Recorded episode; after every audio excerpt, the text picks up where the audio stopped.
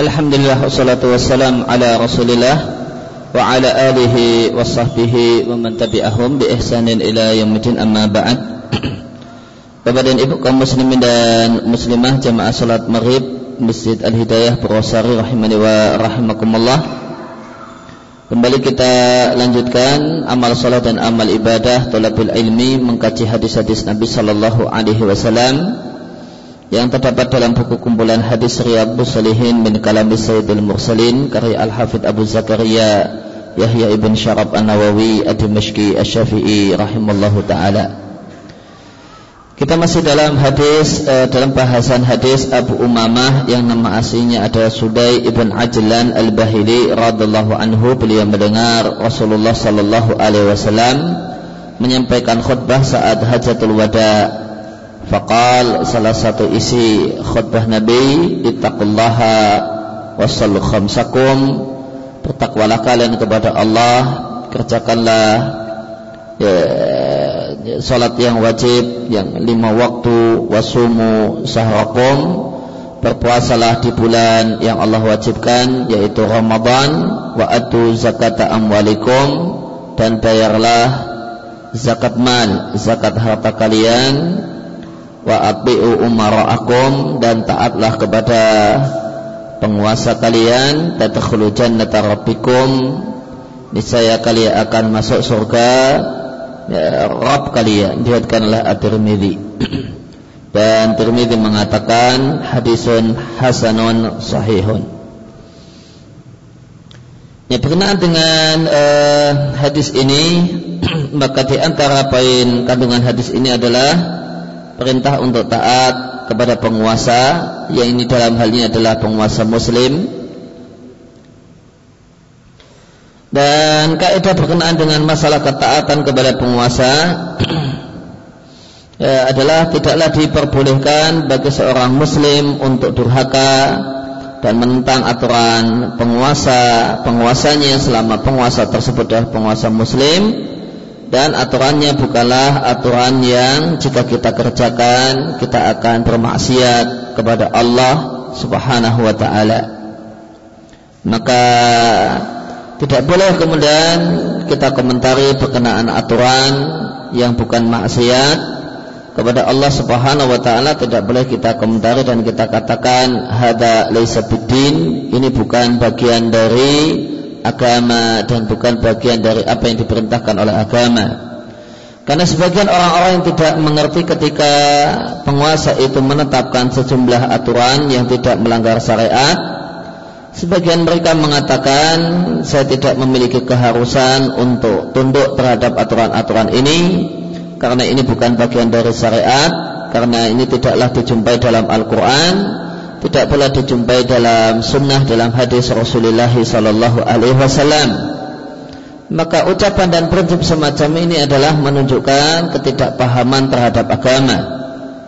Karena yang benar berdasarkan dalil-dalil yang ada adalah kita katakan bahasanya taat kepada aturan-aturan penguasa muslim ya, selama itu bukan maksiat maka Eh, perintah untuk mentaatinya itu terdapat dalam Al-Quran terdapat dalam hadis-hadis Rasul alaihi salatu wassalam terdapat dalam Al-Quran karena termasuk bagian dari firman Allah Ta'ala Ya ayyuhalladzina amanu atiullaha wa atiur rasul wa ulil amri minkum Bahai orang-orang yang beriman ta'ala kalian pada Allah, ta'ala kalian pada Rasul dan penguasa yang mengatur urusan kalian.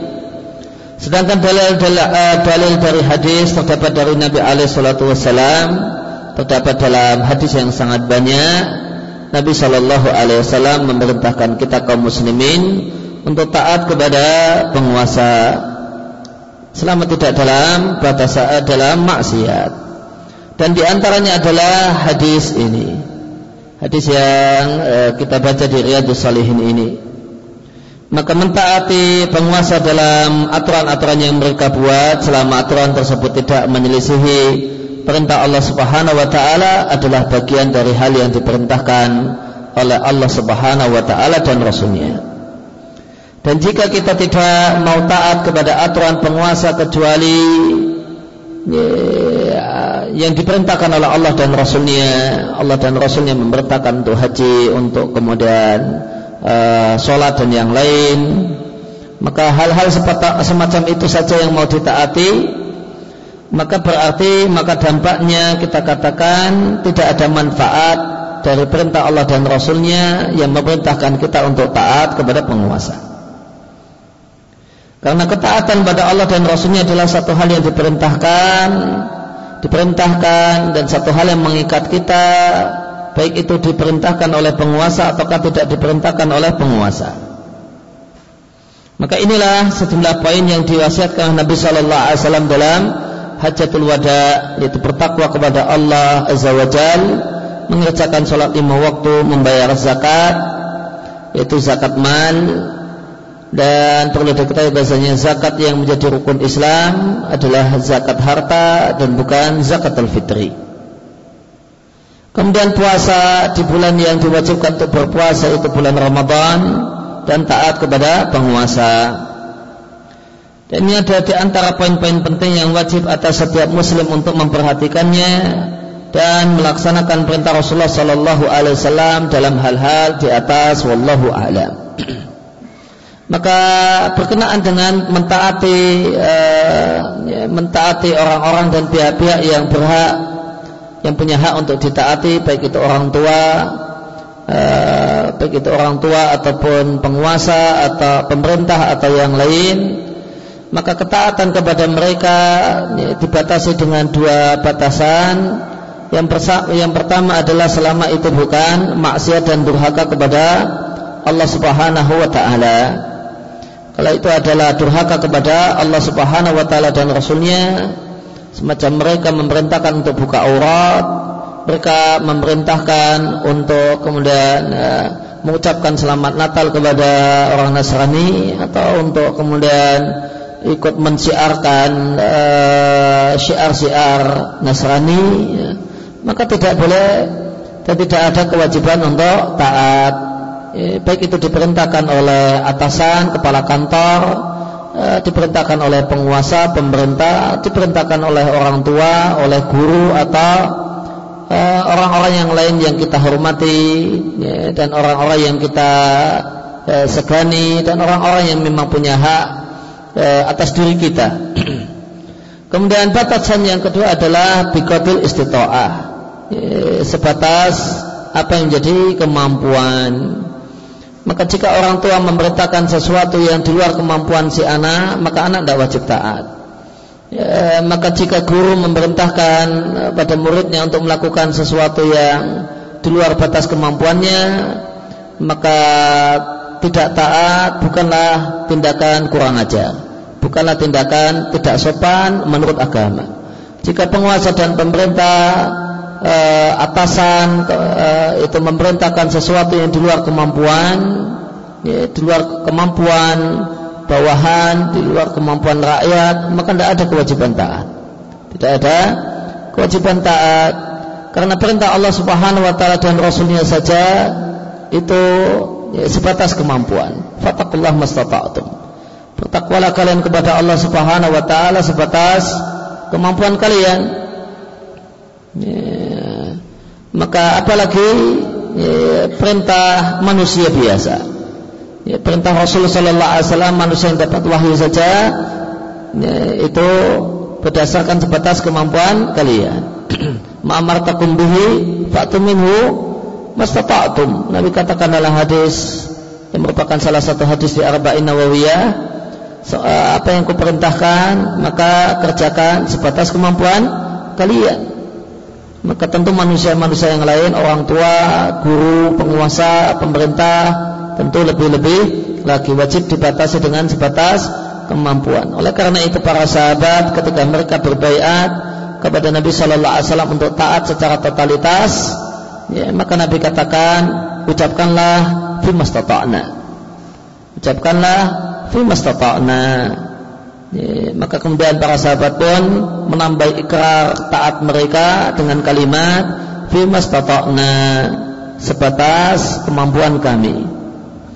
Dan berkenaan dengan uh, demik, uh, berkenaan dengan aturan yang datang dan berasal dari orang-orang yang punya hak dan otoritas untuk membuat aturan boleh jadi orang tua, atasan, ya, atau demikian juga eh, penguasa, pemerintah, maka tentu aturan yang mereka buat itu bisa kita kelompokkan dengan eh, dalam tiga kelompok. Yang pertama, aturan mereka adalah aturan yang diperintahkan oleh Allah Subhanahu wa taala dan rasulnya. Kemudian yang kedua, aturan mereka statusnya adalah maksiat. Dan yang ketiga adalah aturan mereka itu bukanlah bagian dari taat bukan pula bagian dari maksiat. Maka kewajiban taat itu dalam dua hal. Kewajiban taat itu ada dalam dua hal itu dalam hal yang diperintahkan oleh Allah dan Rasulnya yang diperintahkan oleh orang-orang yang punya otoritas untuk memerintah semacam orang tua, kemudian atasan atau penguasa, pemerintah dan yang lain. Kemudian yang kedua adalah dalam perkara yang bukan taat, bukan maksiat. Dan tidak boleh taat cuma ada dalam satu hal, yaitu manakala aturannya, perintahnya, permintaannya adalah maksiat dan durhaka kepada Allah Subhanahu wa taala. Semisal misalnya orang tua. Maka boleh jadi orang tua itu memerintahkan apa yang diperintahkan oleh Allah dan Rasulnya Memerintahkan hal-hal yang itu statusnya adalah taat pada Allah dan Rasulnya Memerintahkan untuk pergi ke masjid Memerintahkan untuk tutup aurat ya. Dan yang lain Maka kita taati mereka karena dua hal. Pertama karena taat kepada Allah dan Rasulnya Dan yang kedua karena taat dan bakti kepada orang tua. Kemudian uh, Dan boleh jadi kemudian Aturan orang tua atau yang lain Yang punya otoritas untuk membuat aturan Adalah aturan yang maksiat. Memerintahkan untuk buka aurat ya, Memerintahkan untuk uh, ya, Melakukan yang lain Memerintahkan untuk mengucapkan selamat Natal ya. Atau yang lain maka ini aturan yang maksiat permintaan yang maksiat maka tidak wajib taat dan tidak boleh taat. Namun aturan yang itu bukan taat dan bukan maksiat. Aturan bukan taat bukan maksiat. Yang aturan tersebut ditetapkan dalam rangka untuk mengatur ya, dan untuk mewujudkan maslahat ya, maka ya, aturan ini tentu ya, aturan ini adalah satu aturan yang juga wajib ditaati. Orang tua memerintahkan anaknya jam tidur jam sekian, ya, jam 10 ya, harus sudah pada tidur. Maka ini perintah perintah tidur jam 10 bukan taat, bukan maksiat. Ya, ya, tidak ada dalil yang menunjukkan itu maksiat dan sebagaimana tidak ada dalil yang menunjukkan itu adalah ibadah yang Allah perintahkan. Maka ini bukan taat bukan maksiat wajib ditaati. Ya, maka perintah atasan ya, dan perintah ya, semisal orang yang bekerja di satu lembaga satu instansi ya, jam kerja jam kantor jam sekian masuk jam ya, 07.30 itu itu aturannya bukan taat dan bukan aturan yang maksiat. Maka ini wajib ditaati. Wajib ditaati. Maka ketaatan kepada orang-orang yang punya otoritas untuk membuat aturan itu berlaku dalam dua hal. Dalam perkara yang diperintahkan oleh Allah Subhanahu wa taala dan rasulnya. Kemudian yang kedua adalah dalam perkara yang bukan maksiat. Meskipun itu juga bukan taat maka tadi disampaikan ada orang yang punya prinsip ya, saya hanya taat kepada orang-orang yang uh, punya otoritas untuk membuat aturan. Itu kalau aturannya sesuai dengan perintah Allah dan Rasulnya. Maka ini kacau. Kalau ini dituruti dan ini dipegangi kacau. Jam kantor datang seenaknya pulang sesukanya. Ya, ini tidak ada dalilnya harus tidak ada dalil Quran dan Sunnah untuk masuk kerja jam 07.30 ya, suka-suka saya kan? Ya, pulang harus jam sekian nah, e, kemudian libur harus hari tertentu. Saya mau libur ya, tidak ada dalilnya libur harus hari ini dan hari itu. Maka tentu ini kacau dan merusak keadaan. Dan ini berlaku baik untuk tempat kerja, demikian juga orang tua, demikian juga pemerintah. Ya. Misalnya aturan lalu lintas tentang masalah lampu merah, lampu hijau, tidak ada dalilnya dari Quran dan Sunnah yang menunjukkan kalau itu taat atau itu maksiat, maka statusnya wajib ditaati. Maka ketaatan kepada pihak-pihak yang punya hak untuk ditaati itu berlaku dalam dua hal, yaitu manakala perintahnya adalah sejalan ya, dengan perintah Allah dan Rasulnya, dan yang kedua adalah perintahnya adalah perintah dalam bidang yang bukan maksiat kepada Allah Subhanahu Wa Taala dan Rasulnya, meskipun juga bukan taat dan tidak boleh taat dan tidak boleh taat hanya berlaku dalam e, satu bidang satu perkara yaitu e, manakala aturannya adalah aturan yang nilainya jika kita kerjakan maka kita menjadi manusia yang bermaksiat dan durhaka kepada Allah Subhanahu wa taala dan rasulnya. Kemudian kita masuk pada bab baru di Riyadhus Shalihin yaitu babul yakin wa tawakul, bab tentang yakin dan tawakal. Dan Imam Nawawi rahimahullah taala e, di mukaddimah membawakan sejumlah ayat berkenaan dengan yakin dan tawakal.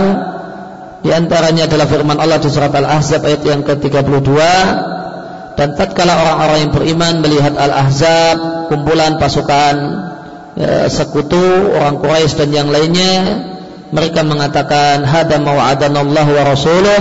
Inilah yang dijanjikan oleh Allah dan Rasulnya dan benarlah apa yang dikatakan oleh Allah dan Rasulnya. Dan peristiwa tersebut tidaklah memberikan kepada mereka kecuali tambahan iman dan kepasrahan.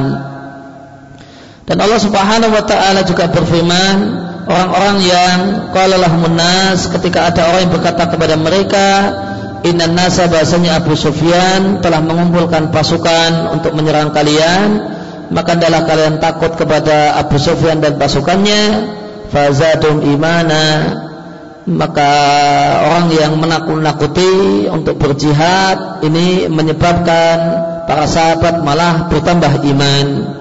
Waqalu dan mereka mengatakan hasbunallah wa ni'mal wakil. Ya, cukuplah Allah sebagai pelindung kami dan Allah adalah sebaik-baik pelindung. Maka mereka pun datang ke tempat yang dijanjikan oleh Abu Sufyan untuk berperang. Ya, namun ternyata sampai di sana Abu Sufyan sudah kabur. Abu Sufyan tidak ada di tempat. Maka Allah katakan fangqalabu bi nikmatin minallahi wa fadlin. Maka mereka para sahabat kembali pulang ke Madinah dengan membawa nikmat Allah dan anugerah Allah lam yam lam yamsashum su'un. Sedikit pun mereka tidak tertimpa keburukan, tidak ada peperangan, tidak ada yang terluka. Dan yang lainnya wattaba'u ridwanallah. Dan mereka adalah orang-orang yang mencari dan mengikuti ridha Allah wallahu fadlin azim. Dan Allah adalah zat yang memiliki anugerah yang besar. Demikian juga firman Allah Ta'ala di surat Al-Furqan wa tawakkal 'alal hayyil ladzi la yamut dan bertawakallah kepada zat yang dia adalah selalu hidup dan tidak pernah mati. Dan di surat Ibrahim Allah katakan wa 'alallahi falyatawakkalul mu'minun, hanya kepada Allah lah orang-orang yang beriman bertawakal. Di surat Al-Imran Allah katakan fa idza azamta fatawakkal 'ala Allah, jika engkau telah bertekad bulat ya, setelah bermusyawarah atau setelah salat istikharah Fatawakkal ala Allah Maka serahkanlah hasilnya kepada Allah subhanahu wa ta'ala. Dan ayat yang berisi perintah untuk bertawakal Adalah ayat yang jumlahnya sangat banyak Dan diketahui oleh orang-orang yang gemar membaca Al-Quran tentunya dan Allah Ta'ala berfirman di surat At-Talaq bahwa yatawakkal 'ala Allah fa hasbuh. Siapa yang sungguh-sungguh bertawakal kepada Allah maka Allah akan mencukupinya. Aika fihi Allah akan cukupi kebutuhannya. Allah cukupi dia dari mara bahaya artinya terlindung dari mara bahaya. Allah Ta'ala berfirman di surat Al-Anfal tentang orang yang sempurna imannya innamal mu'minun Orang yang betul-betul beriman adalah orang-orang yang jika disebutkan nama Allah wajilat kulubuhum ya, maka takutlah hati mereka. Jika diingatkan bahasanya ingatlah Allah bertakwalah kepada Allah. Ini adalah satu hal yang Allah larang. Maka mereka hatinya merasa takut kemudian segera ya, menerima nasihat tersebut Wa idza tuliyat alim ayatuhu zadatum imana. Dan jika dibacakan badannya ayat-ayat Allah maka bertambahlah iman mereka. Wa ala rabbihim yatawakkalun. Dan mereka adalah orang-orang yang hanya bertawakal kepada Tuhannya. Dan ayat imbas tentang masalah manfaat tawakal dan keutamaan tawakal satu hal yang banyak dan dikenal oleh kaum muslimin terutama tentunya adalah kaum muslimin yang rajin dan gemar membaca Al-Qur'an. Ya, maka di sini Imam Nawawi rahimahullah taala menggabungkan jadi satu antara yakin dengan tawakal. Kenapa kok digabungkan jadi satu dan tidak disendirikan? Karena tawakal adalah buah yakin. Siapa yang yakin dengan kemahakuasaan Allah, yakin bahasanya Allah adalah zat yang maha kuasa, ya, yakin dengan janji-janji Allah maka dia akan tawakal. Dan yakin adalah kuatul iman wa sabatu adalah kuatnya iman dan tegarnya dan kokohnya iman. Sampai-sampai ketika orang itu demikian yakin Maka seakan-akan dia melihat dengan mata kepalanya sendiri Apa yang dikabarkan oleh Allah dan Rasulnya Karena dia demikian yakinnya Maka yakin adalah kokoh Dan iman yang tidak bercampur dengan keraguan sedikit pun. Maka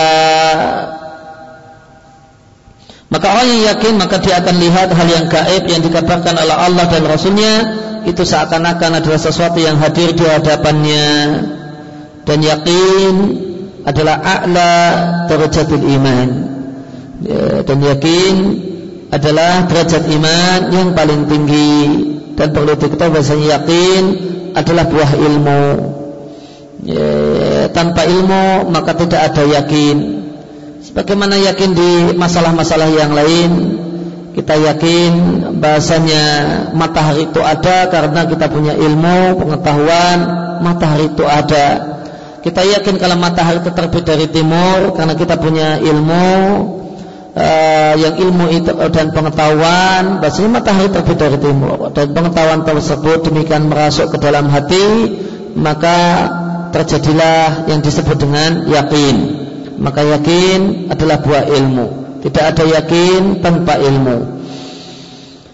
Uh, hadil yakin dan yakin itu pun nanti memiliki sejumlah buah, sejumlah manfaat yang penting diantaranya orang yang yakin kepada Allah, yakin dengan kemahakuasaan Allah, yakin dengan janji-janji Allah, maka dia akan bertawakal kepada Allah.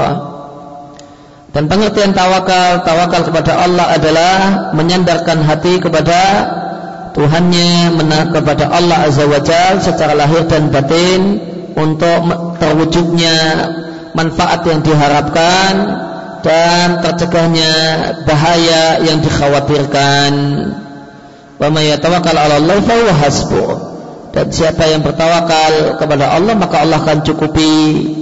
Ya, maka Allah akan wujudkan manfaat yang diharapkan dan Allah akan cegah keburukan yang dia khawatirkan. Dan dengan dua hal ini yakin dan tawakal maka seorang muslim akan me, akan berhasil mewujudkan apa yang jadi maksud dan keinginannya di dunia dan di akhirat. Dan dua hal ini yakin dan tawakal itu disampaikan adalah sebab hidup bahagia. Adalah di antara kunci hidup bahagia. Maka orang yang memiliki yakin dan tawakal, seorang muslim yang sempurna yakin dan tawakalnya akan sempurna bahagianya. Maka dia akan jadi sa'idan, orang yang hidup bahagia. Kenapa? Karena orang yang punya yakin dan tawakal, dia akan hidup dalam keadaan hati yang nyaman, wa ya'ish mutmainnan dan dia hidup dalam keadaan hatinya adalah hati yang tenang. Ya, hati yang tidak sering dan bolak-balik dirundung kalau dikit-dikit kalau dikit-dikit kalau itu sebabnya karena kurang tawakal. Adapun orang yang tawakal dengan Allah Subhanahu wa taala maka dia tidak akan galau dengan masa depannya. Dia tidak akan galau dengan uh, sesuatu yang uh, sesuatu yang belum terjadi. Ya, maka oleh karena itu maka benarlah apa yang dikatakan di sini bahasanya yakin dan tawakal itu adalah kunci dan resep hidup bahagia. Kenapa uh, seorang itu bahagia dengan yakin dan tawakal karena dia yakin dengan semua yang dikabarkan oleh Allah dan Rasulnya dan dia bertawakal pada Allah Azza wa Jal ya, bahasanya dia yakin dia tidaklah kemudian galau dengan rezekinya karena dia yakin dengan janji Allah Subhanahu wa taala. Bahasanya Allah lah yang menjamin rezeki setiap makhluknya. Ya, bahasanya manusia itu tidak akan mati kecuali setelah jatah rezekinya itu habis. Maka dia tidak akan galau berkepanjangan dengan masalah semacam ini. Dia tawakal kepada Allah. Non tawakal bukan berarti tidak berusaha namun dia pasrahkan hasilnya kepada Allah Subhanahu wa taala. Kemudian Al-Imam Nawawi menyebutkan sejumlah ayat berkenaan dengan yakin dan tawakal. Di antaranya adalah ayat di surat Al-Ahzab yang menceritakan kepada kita bagian dari kejadian yang terjadi pada saat perang Ahzab yang disebut juga dengan perang Khandaq. E, disebut perang Khandaq karena Nabi Shallallahu Alaihi Wasallam melindungi diri dan melawan dan memberikan perlawanan dengan membuat parit karena Khandaq artinya parit sedangkan pas perang tersebut disebut dengan perang Ahzab yang artinya adalah sekutu ini Ahzab jamak dari Hizbun artinya kelompok beberapa kelompok jadi satu artinya sekutu, bersekutu. Maka peperangan Ahzab itu berbeda dengan perang Badar, beda dengan perang Uhud. Kalau perang Badar dan perang Uhud, ya, musuhnya Nabi Shallallahu Alaihi Wasallam dan kaum muslimin hanya orang-orang Quraisy. Nah, sedangkan perang Ahzab, sebagaimana namanya Ahzab, maka dia adalah orang-orang Quraisy dan suku-suku yang lain ya, tepatnya adalah dan sejumlah ya, kabilah-kabilah Arab. Yang perang Ahzab ini terjadi pada tahun 5 Hijriah. E, dan maka berkenaan dengan apa yang terjadi pada serat perang Ahzab Allah katakan yang tadi ayatnya kita telah bacakan walamma ra'al mu'minun al-ahzab. Tatkala orang-orang yang beriman melihat pasukan sekutu. Qalu hadza ma wa'adana Allah wa rasuluh. Maka mereka yakin eh, dan inilah apa yang dijanjikan oleh Allah dan Rasulnya dan benarlah dan tidak melesetlah apa yang dijanjikan oleh Allah dan Rasulnya maka Ahzab di sini maknanya adalah sejumlah kelompok dari kabilah-kabilah Arab mutaadidah yang jumlahnya banyak yang mereka bersepakat untuk menyerang Rasulullah Sallallahu Alaihi Wasallam dan bersatu untuk memerangi Rasul Sallallahu Alaihi Wasallam. Dan terkumpul pada saat itu kurang lebih 10 ribu manusia yang mereka adalah mukatil orang-orang yang siap perang artinya dia adalah laki-laki dewasa ya, dan bisa sehat itu, itu yang disebut dengan mukatil Yang mereka ini berasal dari Quraisy dan yang lainnya. Dan adalah uh, dan dalam sejarah peperangan Arab maka pasukan sebanyak ini adalah satu hal yang sangat luar biasa. Sepuluh ribu orang. Kemudian mereka mengepung dan memblokade kota Madinah untuk menghabisi Nabi Shallallahu Alaihi Wasallam. Dan terjadi pada saat peperangan ini krisis yang besar azimah azimah eh, krisis mental besar-besaran terjadi dan dialami oleh para sahabat Rasul sallallahu alaihi wasallam. Dan Allah tabaraka wa taala mendeskripsikan kepada kita krisis uh, krisis yang terjadi krisis keyakinan yang terjadi pada saat itu dengan Allah katakan wa id zaghatul absar. Dan ketika itu maka ya, pandangan mata pun tidak fokus.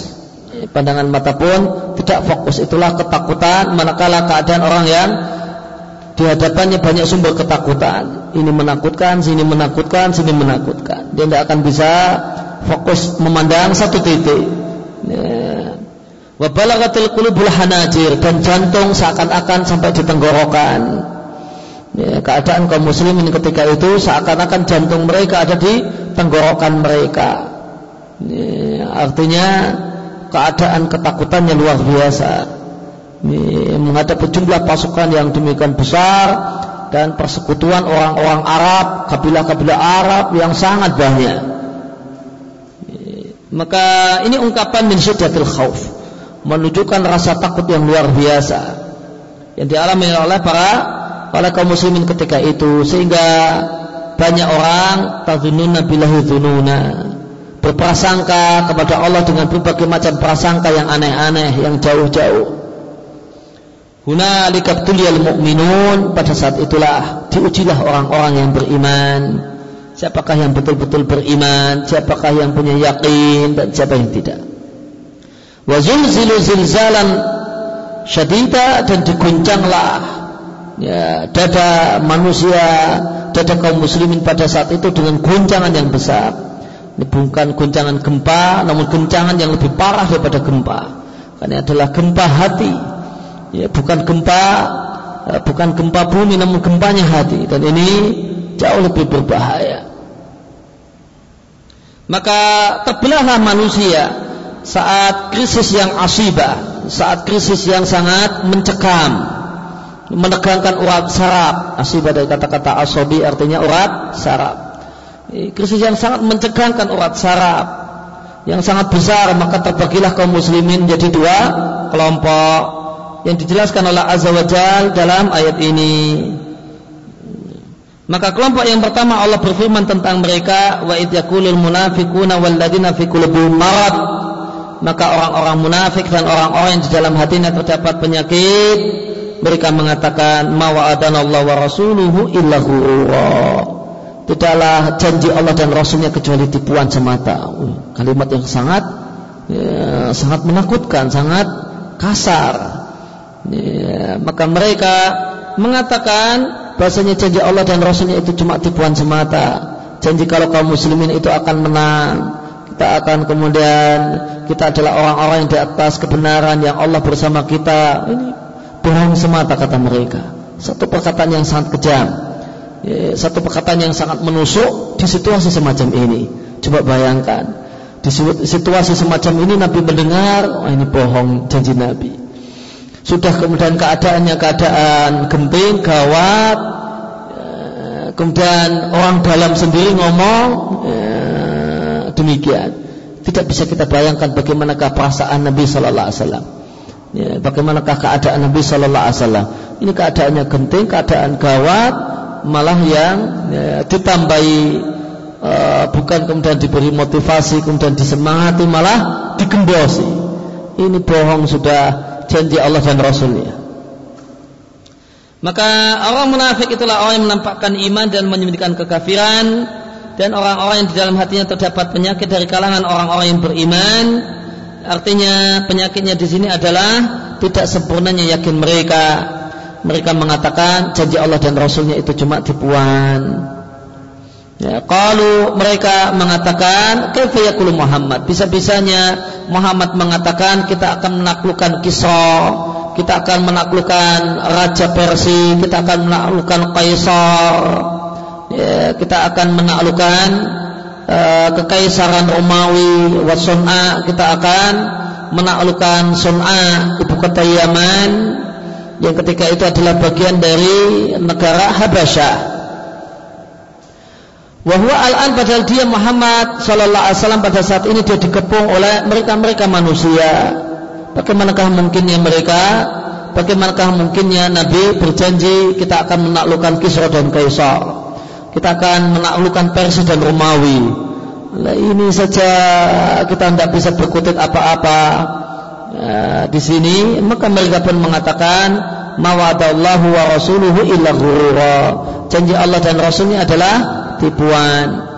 Maka di awal-awal di awal-awal sebelum e, melihat langsung pasukan Al-Ahzab ketika kaum muslimin itu kejabat di membuat parit maka mereka berjumpa dengan satu batu besar mereka berjumpa dengan batu besar yang tidak ada satupun sahabat yang berhasil memecahnya sahabat-sahabat yang kuat-kuat yang potok-potok yang kemudian ya, tidak ada yang ya, bisa memecahkan batu besar kuat hmm. sampai akhirnya Nabi Shallallahu Alaihi Wasallam yang turun tangan langsung ya, lihat uh, kekuatan fisik Nabi Shallallahu Alaihi Wasallam. Ini sahabat-sahabat yang muda-muda, yang ABG-ABG, nah, itu dah turun parit, tidak ada yang bisa, tidak ada yang bisa.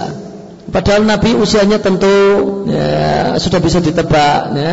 Beliau jadi Nabi uh, umur 40 tahun, ya. kemudian ditambah dakwah di Mekah ya, 13 tahun, ya, 53 tahun, ditambah 5 tahun, 58 tahun. Ya, 58 tahun. Nabi yang umur lima, sahabat-sahabat yang muda-muda 30-an, ya, dan sebagainya turun tidak berhasil memecah batu besar yang sangat kuat yang ada di jalur parit yang direncanakan oleh Nabi Shallallahu Alaihi Wasallam. Akhirnya Nabi Shallallahu Alaihi Wasallam sendiri yang turun ngambil uh, uh, ya, apa, ngambil semacam apa, alat untuk penghancur batu, ya, apa kita sebut ya, gada atau uh, semacam itu. Nabi kemudian ya, Nabi pukul tiga kali pecah semua. Eh, Nabi Shallallahu Alaihi Wasallam pukul tiga kali remuk semua. Eh, batu besar yang tadi semua sahabat sudah angkat tangan, eh, itu Nabi turun, pada ini simbah-simbah, umur 58 tahun, sudah tergolong simbahan. Nabi turun, Nabi pukul tiga kali hancur. Dan setiap kali Nabi pukul itu keluar sinar. Setiap kali Nabi pukul, di pukulan pertama dari dampak dari pukulan tersebut keluar sinar terang.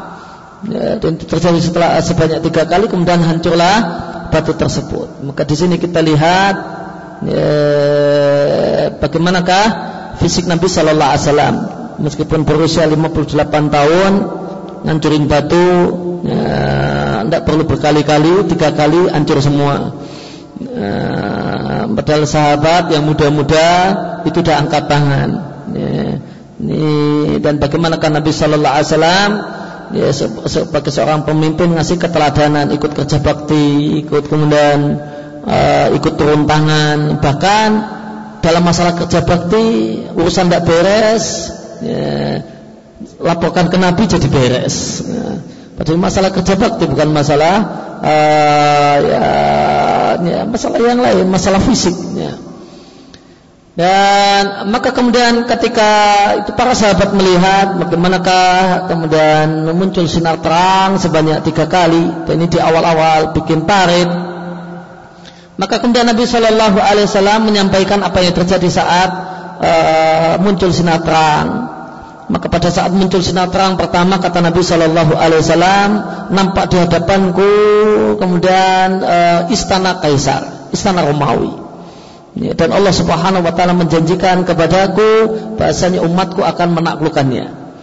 Ya, kemudian di uh, pada kemudian pukulan yang kedua maka Nabi katakan Allah nampakkan kepadaku ya, istananya Kisra, istananya Persia. Dan Allah Subhanahu wa taala sampaikan kepadaku bahasanya umatku akan e, menguasainya. Kemudian dinampakkan kemudian yang ketiga dinampakkan kepadaku kota Sona, e, ibu kota Yaman dan Allah Subhanahu wa taala sampaikan kepadaku bahasanya umatku akan mendudukinya. Itu di awal-awal pembuatan parit ketika musuh belum datang. Ketika proses pembuatan parit sedang berlangsung untuk menyambut musuh yang sebentar lagi akan datang. Ya, maka itu janji Allah Subhanahu wa taala dan rasulnya ketika di awal kerja bakti.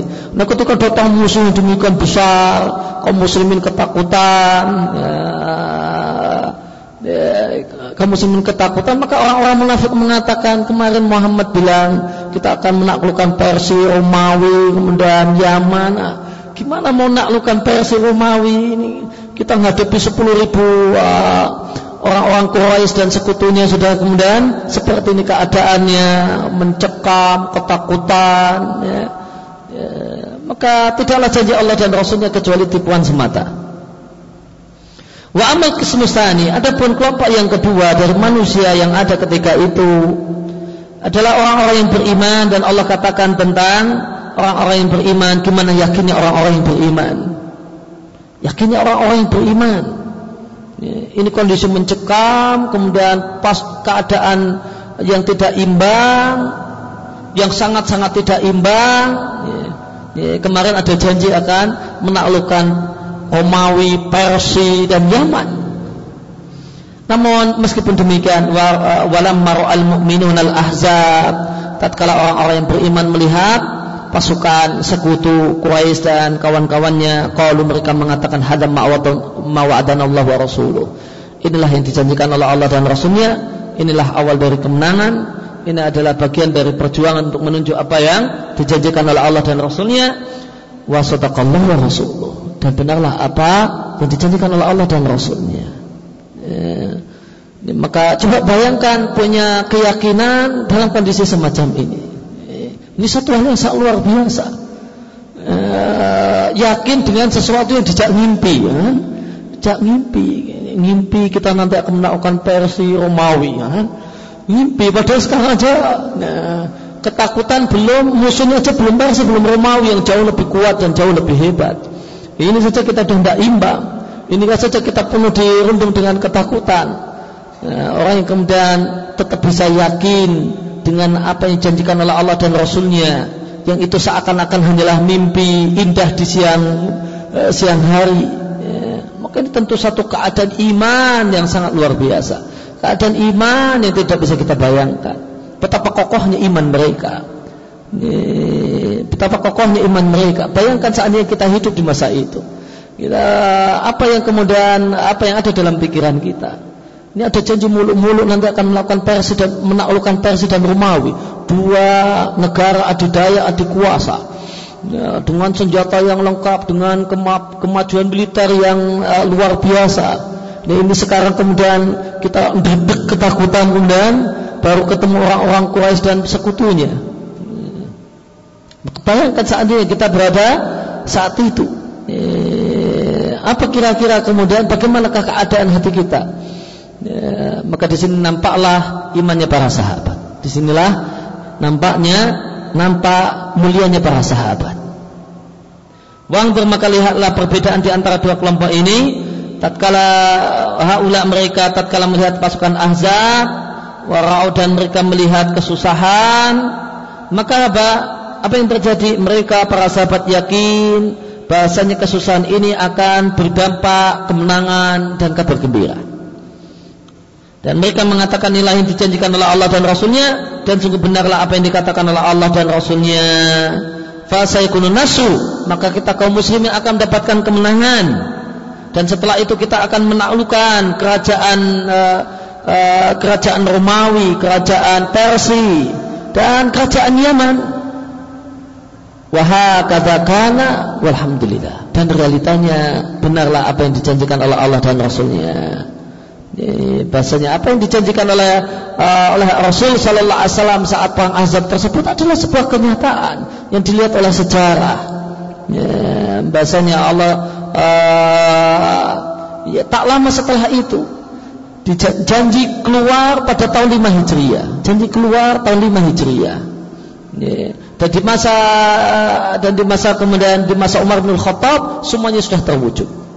Ya, semuanya sudah terwujud.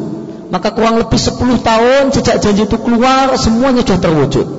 Romawi dan Persia sudah berabe sudah kemudian berada dalam kekuasaan kaum muslimin. Harta benda Persia dan Romawi sudah dibawa ke Madinah emas tumpuan emas perak di istana Persia dan Romawi sudah kemudian ditumpuk di hadapan Umar bin Khattab radhiyallahu taala anhu nah, maka kurang lebih cuma 10 tahun ya. Uh, 10 tahun dari janji tersebut dikeluarkan ya itu semua semuanya sudah terwujud dan itu jarak yang tentu sangat-sangat cepat sekali. Kalau bandingannya ini negara adidaya dan adikuasa, bukan negara kecil, negara rem, negara rem, negara besar, negara kuat. 10 tahun dan ini Medina yang ketika itu tidak ada apa-apanya, tidak diperhitungkan di atas kertas dunia. Nah. Kemudian dalam tempo 10 tahun dua negara besar semuanya sudah bertekuk lutut di hadapan kaum muslimin. Ini pencapaian yang sangat-sangat luar biasa. Ya, demikian yang kita baca dalam kesempatan malam hari ini. Wasallallahu ala nabiyina Muhammadin wa ala alihi wa sahbihi wasallam wa akhda'ana alhamdulillahi rabbil alamin. Subhanaka allahumma wa bihamdika asyhadu an la ilaha illa anta astaghfiruka wa atubu ilaik